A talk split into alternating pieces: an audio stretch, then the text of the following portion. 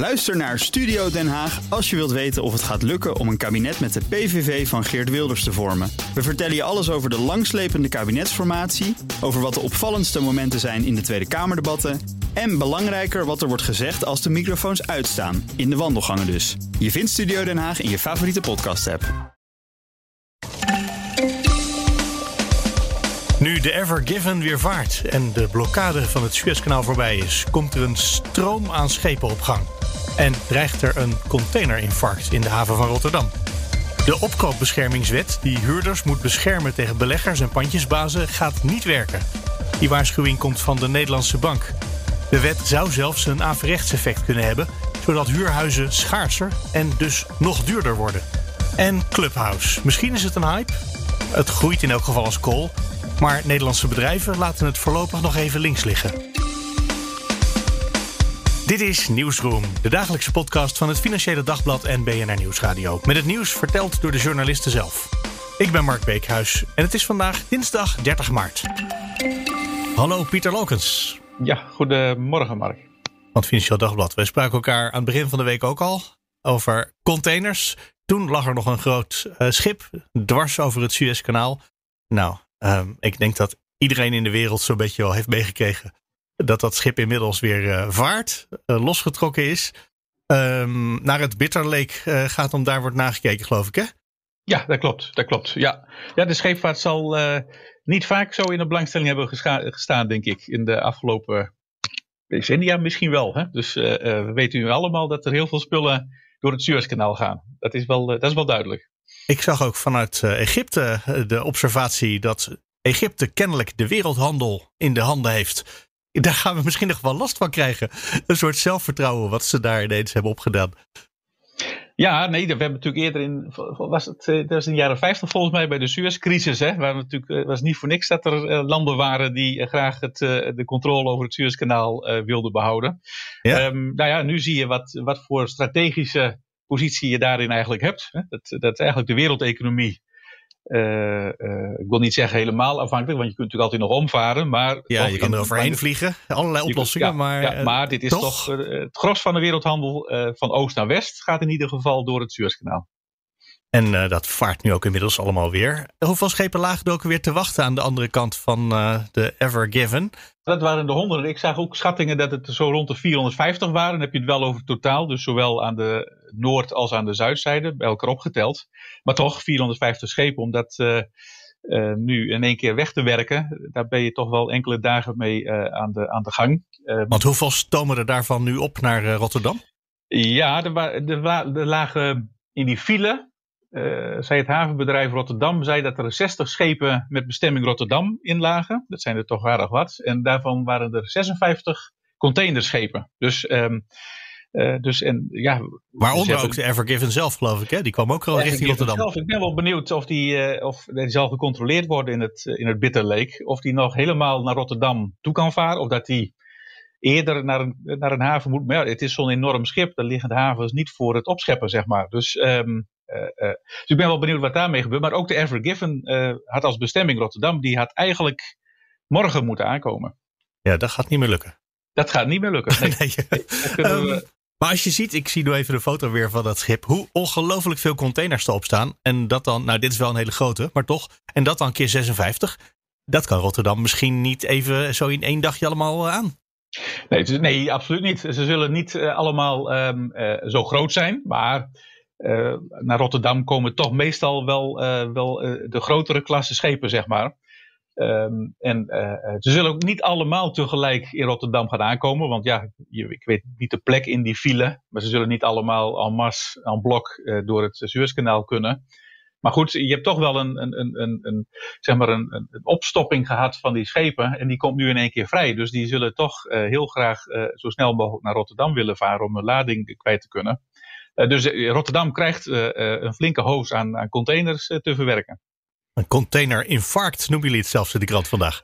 Ja, dat zou uh, natuurlijk best op uit kunnen draaien als je dat allemaal niet goed aanpakt. Want ja, je zit nou eenmaal met beperkingen in die, in die haven. En um, dat, ligt ook, dat begint al bij de, bij de terminals. Uh, want ja, die hebben een bepaalde kaderlengte, die hebben een bepaald aantal kranen. En die kun je wel heel hard laten werken. Maar goed, je zit toch met een bepaalde beperkte capaciteit. En dan moet je het ook allemaal nog kwijt richting het achterland. Want ja, de meeste containers gaan toch verder um, Europa in. Misschien dat die die robots die die schepen leeghalen, en dat gaat voor een groot stuk gaat dat met uh, computergestuurde uh, hijskranen. Uh, die zullen het misschien nog wel aankunnen om gewoon dag en nacht door te stampen. Maar daarna, dan moet het langs de mensen van de douane. Er moet op vrachtwagens geladen worden. Er moet van alles mee. En als je iets uit het buitenland bestelt, dan kan je dat via dat track and trace kan je dat volgen. Dan zie je ook dat het soms mm. heel lang in de haven blijft liggen. Ja, dat is natuurlijk een van de pijnpunten of knelpunten in dit geval. Van, eh, er gaat een beroep worden gedaan natuurlijk op bedrijven en, en, en op, op, op verladers. Hè, de mensen die, de bedrijven die spullen uh, versturen of, of uh, importeren. Om toch zo snel mogelijk die containers op te halen. Want uh, er is beperkte ruimte. En ik, ik, ik heb gehoord dat er ook wel geprobeerd wordt om overal ruimte te creëren. om toch containers zo snel mogelijk van die terminal af te krijgen. Dat weer het volgende schip binnen kan komen. En dat daar ook weer gelost en geladen kan worden. Dus het gaat wel een, eh, een grote eh, logistieke puzzel worden. Het zijn enorme terreinen in de haven die waar je die containers ziet staan. Als je daar wel rondrijdt.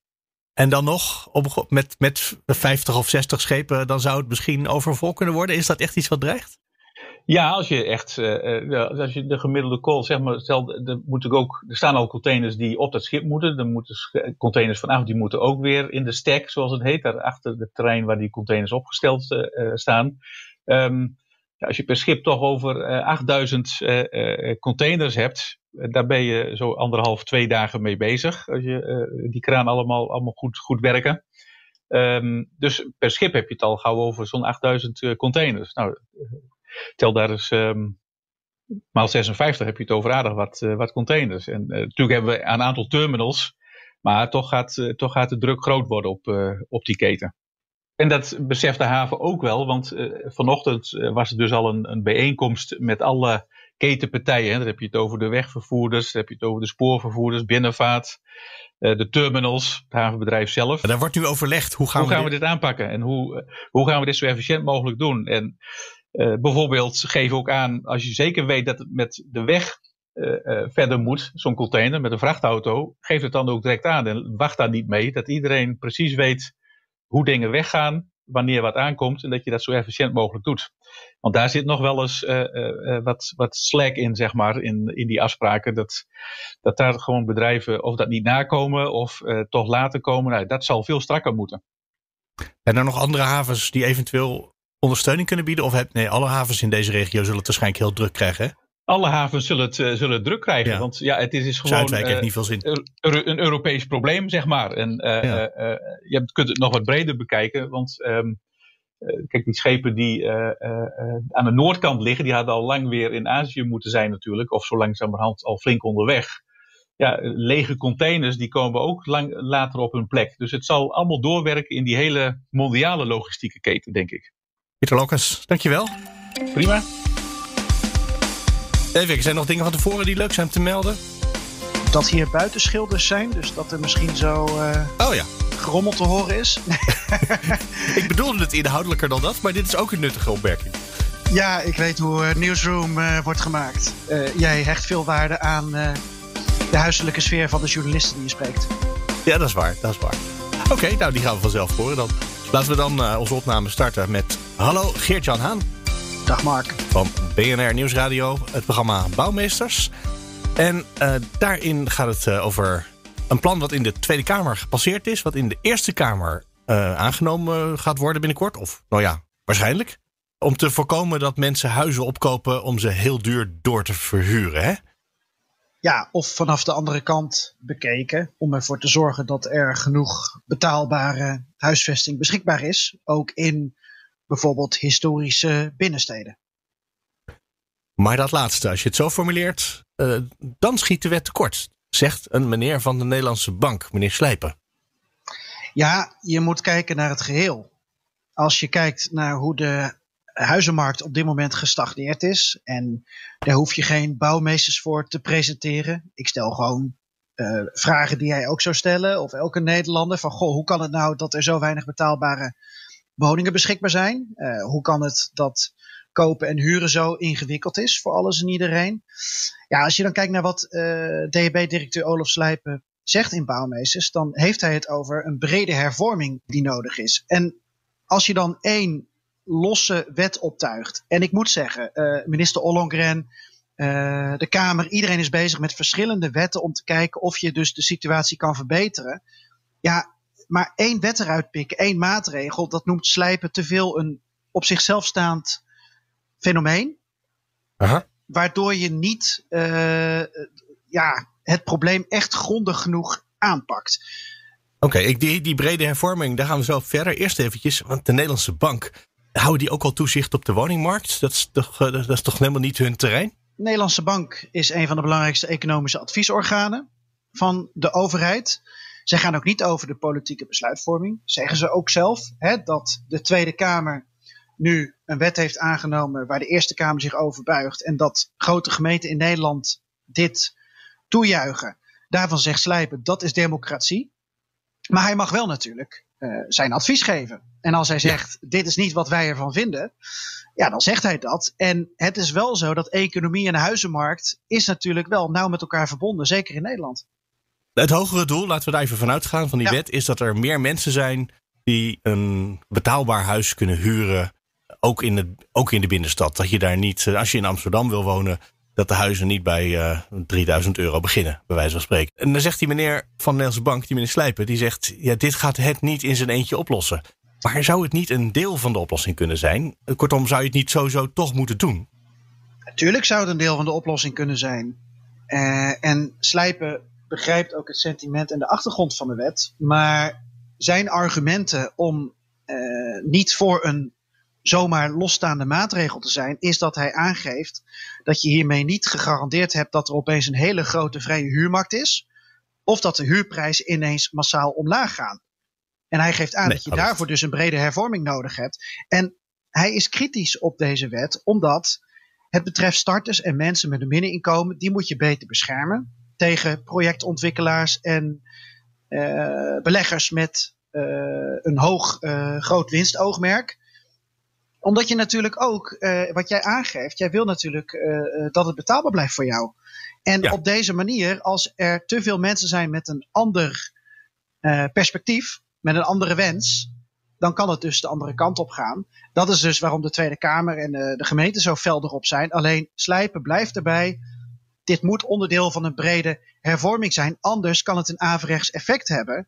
Nou ja, en die argumenten die geeft hij dus. Ik wou zeggen, als er tien stappen zijn die je moet zetten en dit is de eerste, dan moet je die gewoon zetten. Maar nou zeg je iets nieuws. Je zegt averechts effect. Dus uh, je hoopt dat de prijzen omlaag gaan, maar de prijzen gaan misschien omhoog zelfs.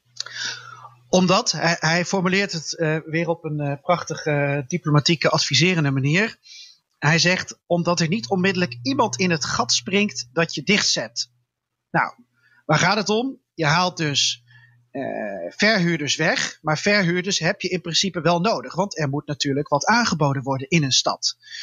Als je dus niet ineens heel veel gaat bijbouwen voor dit segment waar we het over hebben. Nou, en dat is het geval, dat weten we allemaal. Hè. Er kan niet heel snel nu ineens heel veel gebouwd worden. Um, en je kijkt naar die vrije huursector en die betreft maar 10% van ons woningaanbod. Ja, wat als je dan de verhuurders uitsluit? Want er zitten ook bona fide verhuurders tussen dan gaan de prijzen verder omhoog. Want je creëert grotere schaarste. Dus wet en regulering leiden dan niet ineens tot betaalbare prijzen in de vrije huursector. Dat is zijn argument. Precies, in de huursector lost het niks op. Maar ik realiseer me nu ineens wel dat het, uh, de kansen voor het kopen van een betaalbaar huis in de stad, dat die wel toenemen. Omdat je niet concurreert met een uh, enorme grote investeringsbedrijf wat gewoon veel meer kan bieden, omdat ze van plan zijn om tegen hele hoge huren te gaan verhuren. Nou, mag ik toch nog één stap terug? Toch nog Ja, even naar wat ik net aangaf. Want Slijpen gaf Berlijn als voorbeeld. En dat is interessant. Naar zijn mening wordt daar nu niet meer gebouwd. Het valt hem op dat sinds daar eh, de huurmarkt eh, daarop is ingegrepen en daar eh, streng gereguleerd wordt. In, in Berlijn zijn de huren bevroren voor een paar jaar, geloof ik. Hè? Precies, dat is dus op een iets andere manier, maar wel als een soort losstaande maatregel. Dan zie je dus dat vastgoedbeleggers niet meer instappen. En dat geldt dus ook voor de bona fide verhuurders. Hè, die dus wel Ja, malafide eh, en bona fide allebei. ja, die dus wel eventueel goed onderhoud plegen, die dus wel uh, een rendement pakken, maar wel voor een acceptabele verhuurprijs uh, die woning dan in de markt zetten. Ja, en dat is een kant die je niet op wil. En dat noemt hij dus ook een risico. Dat mensen misschien zelfs geen huizen meer gaan bouwen. Ja. Terwijl we dat hartstikke nodig hebben. Een miljoen hoor ik steeds. Nou ja, ook al, nou, van de week hoorde ik een half miljoen, maar dat is nog steeds best veel. Kijk, er wordt op, op alle, uh, allerlei manieren nu aangeschaafd in Nederland. Er wordt ook geëxperimenteerd met vergunningssystemen. Dus dat je echt gaat kijken van, goh, ben je een goede verhuurder? Uh, nou, dan, dan mag je dat blijven doen. Ben je een slechte, dan krijg je een boete of we sluiten je uit. Dat is een soort macht die nu ook aan gemeentes mogelijk gegeven gaat worden. Daar wordt mee geëxperimenteerd, volgens mij ook in Groningen. Nou, ja, dat zijn interessante maatregelen die bekeken worden.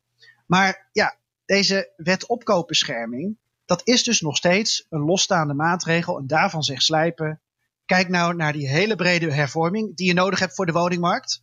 Want koop en huur hangt ook heel erg met elkaar samen, ook fiscaal gezien. En pas als je alles uh, goed doordacht, eventueel hervormt, dan pas kunnen dergelijke maatregelen echt effect hebben, zonder dus, hè, wat ik net aangeef, dat je uh, averechtse effecten kunt creëren, waar Slijpen dus voor waarschuwt.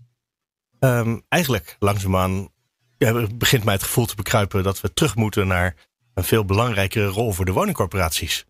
Dat als je goedkope huizen wil om te verhuren, dat je die dan als overheid gewoon georganiseerd moet laten bouwen en niet afhankelijk wil zijn van de markt. Ja, dus jij pleit voor een vrij socialistische aanpak. Nou, we leven in een diep socialistisch land, heb ik van onze premier geleerd. En dat is een VVD'er, dus ik denk dat er kansen zijn. Er zijn politieke partijen die daarvoor gepleit hebben uh, in hun uh, verkiezingsprogramma. Ik ben benieuwd welke kant het uh, opgaat. met VVD en D66 aan het roer. Die zullen vooral natuurlijk heel veel willen bouwen. Maar waar het om draait is dat, hè, dat weet jij ook.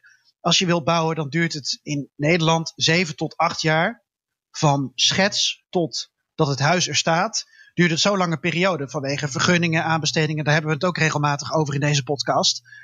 Dus je moet iets voor uh, de komende twee kabinetsperiodes als het ware gaan verzinnen. Nou, en dan is dit een idee, opkoopbescherming en ook zelfbewoningsplicht. Dat slaat dan meer op nieuwbouw. Dus uh, huizen die nu gebouwd worden, die mogen dan alleen door mensen worden opgekocht die er ook zelf in gaan wonen. Dat is dus net iets anders dan opkoopbescherming. Dat slaat dus op bestaande huizenbouw. Nou, dat soort dingen wordt dus nu over nagedacht om uh, ja, die, die periode te overbruggen tot we genoeg huizen hebben. Ja, woningcorporaties kunnen ook uh, een rol daar eventueel in spelen natuurlijk. Maar dat hangt dus ook af van ja, het socialistische model dat een nieuw kabinet eventueel wil aanhangen. We gaan de komende weken gaan we ontdekken welke kant het met de regering op gaat. En dan zal hier waarschijnlijk ook wel iets meer over duidelijk worden. Tot slot, Mark, als het mag. Zeker. Wat belangrijk is, is dat slijpen natuurlijk hiervoor waarschuwt. Dat de Tweede Kamer en grote gemeenten hopen dat dit effect heeft. Maar dat om zeker te weten dat het wel of niet werkt, moet je het eigenlijk gaan proberen. Dus het zou wel een spannend experiment zijn als je hier werk van zou maken. En misschien werkt het ook wel in het centrum van Amsterdam, maar niet in het centrum van Woerden of IJsselstein. Dat zou kunnen. Dat is ook waar Laurens Ivers voor waarschuwt, de wethouder van Amsterdam. Die zegt in de grote steden is het een oplossing. Maar dit moet je misschien niet voor heel Nederland implementeren. Gertjan Haan, dankjewel. Graag gedaan. Hallo, Guy Hoeks van het Financieel Dagblad. Hoi Mark. En trouwens ook een beetje van BNR. Maar we gaan nu praten over een stuk wat je gemaakt hebt voor de krant. Over Clubhouse. Een soort, uh, mag ik zeggen, een hype, een internethype? Nou, ik denk toch zeker wel uh, sinds begin dit jaar dat er, uh, dat er een soort van hype is ontstaan. Zeker nadat Elon Musk heeft gezegd van jongens, op Twitter kondigde hij aan van ik ga een sessie op, op Clubhouse ga ik, ga ik organiseren. Nou, volgens mij ging dat over kunstmatige, kunstmatige intelligentie of over, of over ruimtevaart. Ehm, nou ja, toen ging het wel echt heel hard. Toen wist ineens iedereen dat het bestond, want Elon Musk, ja. Ja, dat zie je ook met die crypto's natuurlijk. Wanneer hij in zijn Twitter bio wat zegt over bitcoin, dan dan ja. stijgt die koers opeens. En dat, dat, dat zagen we eigenlijk ook een beetje bij Clubhouse. Oké. Okay. Nou is het een ingewikkeld onderwerp voor mij over te, om over te spreken, want ik heb een Android-telefoon. En ik ben vooralsnog uitgesloten van het selecte gezelschap wat uh, mee mag doen met Clubhouse-sessies. Ja, Terwijl er toch al 10 miljoen mensen op zitten, uh, zegt uh, die topman. Heeft het laatste In de hele wereld? Dan vind ik het namelijk heel klein. In de hele wereld, maar je moet, uh, nou ja, je moet het eigenlijk zo zien. die app is vorig jaar, vorig jaar pas opgericht en is sinds december eigenlijk pas een beetje explosief gaan groeien. Okay. Van 3500 gebruikers naar nu dus meer dan 10 miljoen. Al dus die topman. ja. ja. Ja, die moeten we geloven op zijn woord. en 10 miljoen is niet zo overdreven hoog dat, het, nee. dat het niet zou kunnen. Nee. Uh, maar ik heb dus eigenlijk geen idee waar we het over hebben. Ik zou misschien wel een paar van die uh, sessies hebben willen bijwonen. Um, het werd mij de eerste keer uitgelegd als dat het iets lijkt op Twitter. Maar ik heb daarna allerlei dingen gehoord die me helemaal niet aan Twitter doen denken. Dus misschien moeten we gewoon even een basiscursus beginnen. Voor we straks aan het nieuws komen, verklap ik dat alvast. Nederlandse bedrijven laten Clubhouse volgens nog helemaal links liggen. Dus het is eigenlijk niet zo belangrijk waar we het over hebben. Ja, de, precies. Dus hè, afgaand op deze titel, dan, dan denk je van, joh, eh, Clubhouse, het zal allemaal wel. Um, maar misschien even goed om te beginnen bij het begin. Clubhouse is namelijk uh, een soort van, uh, een soort van audio-app. Ja, het is een audio-app en het zit een beetje uh, in het midden van een, van een debatavond. En ja, laten we zeggen, gewoon een soort van podcast. Maar het is allemaal live. Dus je kunt verschillende rooms kun je in. Dat zijn sessies over de meest uiteenlopende onderwerpen. Van sport, cultuur tot, tot voeding. Ook erg populair. Maar het gaat nog veel dieper dan dat. Het is nog veel specialistischer. En iedereen die kan een sessie organiseren. Je ziet dat er, uh, dat er uh, hele clubhouse um, bekendheden al zijn ontstaan. die opeens heel veel volgers op andere sociale media erbij hebben gekregen. Bijvoorbeeld op Instagram. Maar ook bekende Nederlanders. Die topsporters zoals Ronald de Boer. You name it. Die zitten er ook allemaal op. bekende zangers. Dus eigenlijk probeert iedereen eens even te kijken wat deze app nou precies, precies is. En hoe werkt het dan? Want uh, praten zij? Ga ik terugpraten? Stel ik vragen? Je moet het eigenlijk zo zien. Uh, dus je kunt met z'n. Uh, nou ja, volgens mij kun je met een onbeperkt aantal mensen kun je zo'n sessie organiseren. Dus dan sta je op een soort van podium. Dus zo moet je dat zien. Dus stel, ik organiseer een sessie over, over ruimtevaart, als gezegd, zoals Elon Musk. En ik nodig daarnaast ook nog eens wat andere experts uit. En je zit daar met z'n vieren eigenlijk te discussiëren over het onderwerp ruimtevaart. En wanneer we weer naar de maan toe kunnen en dat soort dingen. En uh, mensen die kunnen uh, daar dus gratis uh, aansluiten. Hè? Die kunnen zich aanmelden in zo'n room, in zo'n sessie. Meeluisteren. En meeluisteren. Het is wel met naam en toenaam. Dus je ziet wel dus en met foto wie dus die sessie bijwoont en wie ernaar luisteren. en dat kan dus opeens kan het heel groot worden. Van, nou ja, het varieert een beetje van van tientallen tot, uh, tot honderden mensen in zo'n uh, sessie, of misschien wel duizenden. Dat klinkt ook een beetje als radio wat je beschrijft eigenlijk. Er zijn gewoon een paar mensen met elkaar in gesprek en daar kan je naar luisteren als je wil. Ja, is, Behalve dan dat ja. degene weten wie er zitten te luisteren. Ja, het is gewoon een concurrent van BNR uh, eh, op den duur, zou je zo zeggen. Um, maar er zitten toch wel een aantal, er zitten toch wel een aantal risico's aan hoor. het is natuurlijk gewoon ontzettend nieuw. Het is gratis. Radio is ook gratis, maar uh, iedereen die zit het nog een beetje te ontdekken. En zo ook die uh, bedrijven, want daar ging dat artikel over waarover ik heb geschreven. Um, ik heb even een rondgang gemaakt uh, langs de voedings- en levensmiddelenbedrijven, de grootste in Nederland. Nou, de Heinekens, Fries, Friesland Campina's en, en de Picnics van deze wereld, zeg maar. Um, en die blijken er nog niet echt interesse in te hebben. Wat zouden ze daar kunnen doen? Daar kan je praten met je achterban. Dus ja. je zou een soort community kunnen maken. Maar ja, dat ja. kan je ook op andere manieren. Ja, je zou dus inderdaad een sessie kunnen organiseren over, over voeding, als gezegd. Uh, Albert Heijn is wel een van de weinige bedrijven die zich al op uh, Clubhouse heeft gestort. Heeft laatst een sessie, een aantal sessies georganiseerd. Uh, eentje met dus Ronald de Boer, dus vandaar dat ik zijn naam Dat noemde. je die naam, ja. Hè, het komt niet uit de lucht vallen. Ronald de Boer die was uitgenodigd om te praten over veganistisch eten. En hij is uh, zelf flexitariër, dus Albert Heijn dacht, uh, nou ja, leuk, uh, dan, dan, dan, hè, dan, gaan we hem uitnodigen. En nog vier andere mensen op het podium. volgens mij zat daar ook het, de initiatiefnemer van de Nationale Week van de, nou ja, dat je geen vlees eet. Hoe heet die week ook weer? Dat weet ik niet. Ja, ik ben de, nooit zo van dat soort weken. Nee, precies. Ik maar goed, die zal er vast zijn, de week van het vegetarisch eten. precies. Nou ja, in ieder geval, ze hadden zo'n sessie georganiseerd. En daar zaten uiteindelijk toch zeker 400 man in. En Albert Heijn was er zelf heel erg te spreken over. Ze zeiden van, ehm, nou, we hebben dus een bepaald publiek kunnen bereiken en over een heel specialistisch onderwerp kunnen praten. Ja, maar waarom zou je niet gewoon een video livestream op YouTube doen? Dat is toch veel simpeler, zou ik haast denken. Ja, dat is veel simpeler. Maar weet je wat het is met dit nou soort ja, het is natuurlijk helemaal niet. Video is ingewikkelder dan, dan alleen maar audio. Dat snap ik wel. Uh, maar uh, dat kennen we al. Iedereen kan er gewoon bij. Je hebt helemaal niet een nieuwe app nodig. Die op Android dus nog niet eens beschikbaar is. Waar je per se een iPhone voor moet hebben. Nee. Uh, je hebt gewoon. Ineens heb je een hele voor de hand liggende alternatieve oplossing waar je beeld bij hebt. Ja. Zeg ik dan toch als radiomaker. Ja, maar, maar mensen willen dus juist geen uh, beeld, uh, Mark. En dat zien we dus ook in deze tijd nu met de opkomst van die podcasts. Al de afgelopen jaren is dat natuurlijk aan de gang. Uh, daar past misschien ook Clubhouse in. In deze brede trend. Dat mensen toch echt zeker gehecht zijn aan audio. En wat ook het fijne is aan audio. Je hoeft er juist geen beeld bij te hebben. Want nu in lockdown tijd. Iedereen zit natuurlijk thuis ja, de meeste mensen hebben geen zin om met een kop uh, zichtbaar te zijn uh, voor de rest. Hè, dat zie je nu ook met dat, uh, met dat videobellen, met Teams en met dat soort dingen. soms zetten mensen hun beeld ook gewoon uit. En dit is, en Clubhouse gaat natuurlijk ook gewoon, dat doen mensen in hun vrije tijd.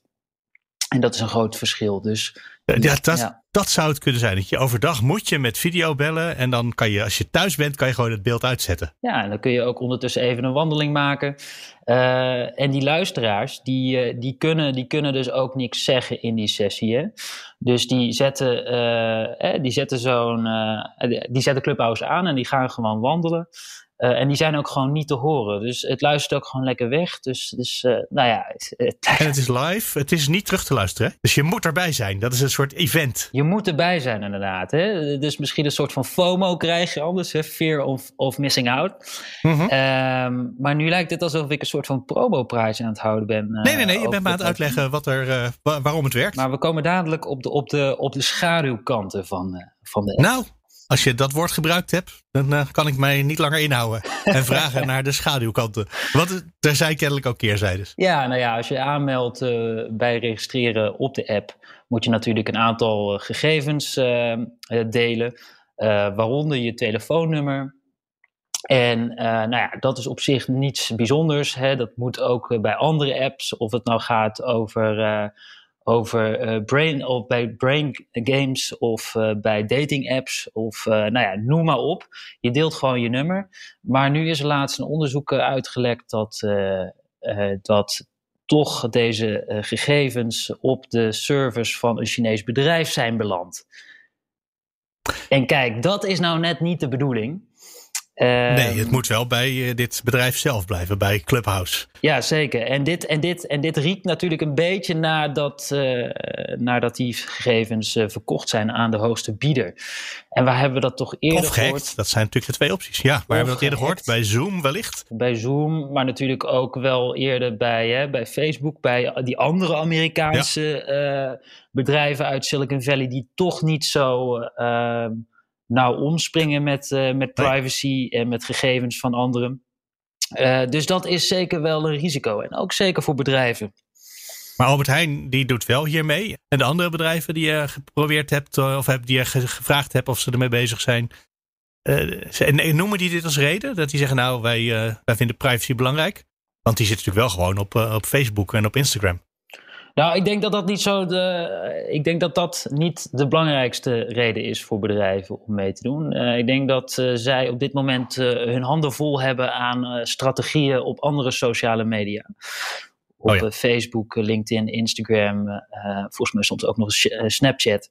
Um, dus, en dan komt Clubhouse er ook nog eens bij en dat is een nieuw medium. En wat natuurlijk de bedoeling is bij, voor bedrijven, voor sociale media of op sociale media, is dat ze nieuwe klanten kunnen winnen. En bijvoorbeeld de Picnic zegt, uh, uh, Michiel Muller, dat is de medeoprichter van Picnic, uh, die zegt dat hij dat daar niet zo in gelooft, dat hij nieuwe klanten kan winnen bij, op Clubhouse.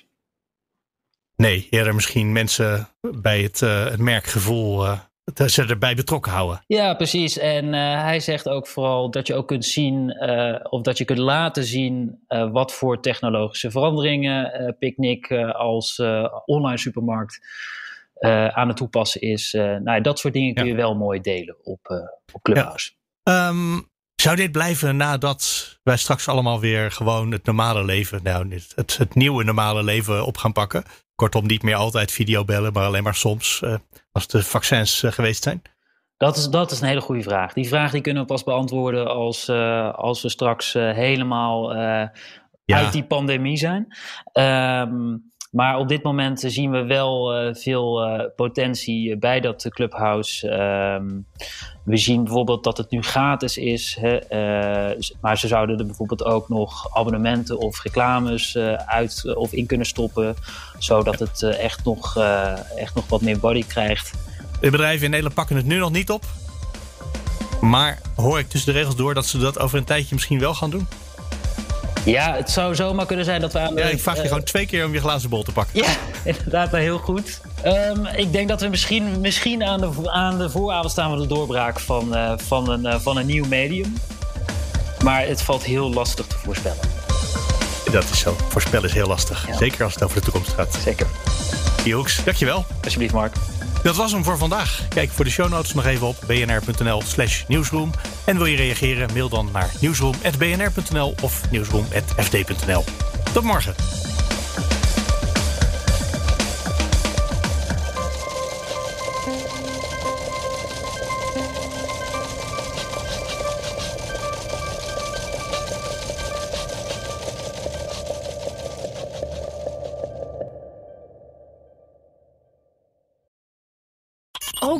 Staats vind je in de BNR-app. Ja, heel handig. Luister live naar Kees en mij tijdens de Daily Move. Dan blijf je ook gelijk op de hoogte van breaking news en het laatste zakelijke nieuws. En daar vind je ook alle BNR-podcasts, waaronder de Perestrooikast. Download nu de gratis BNR-app en blijf scherp.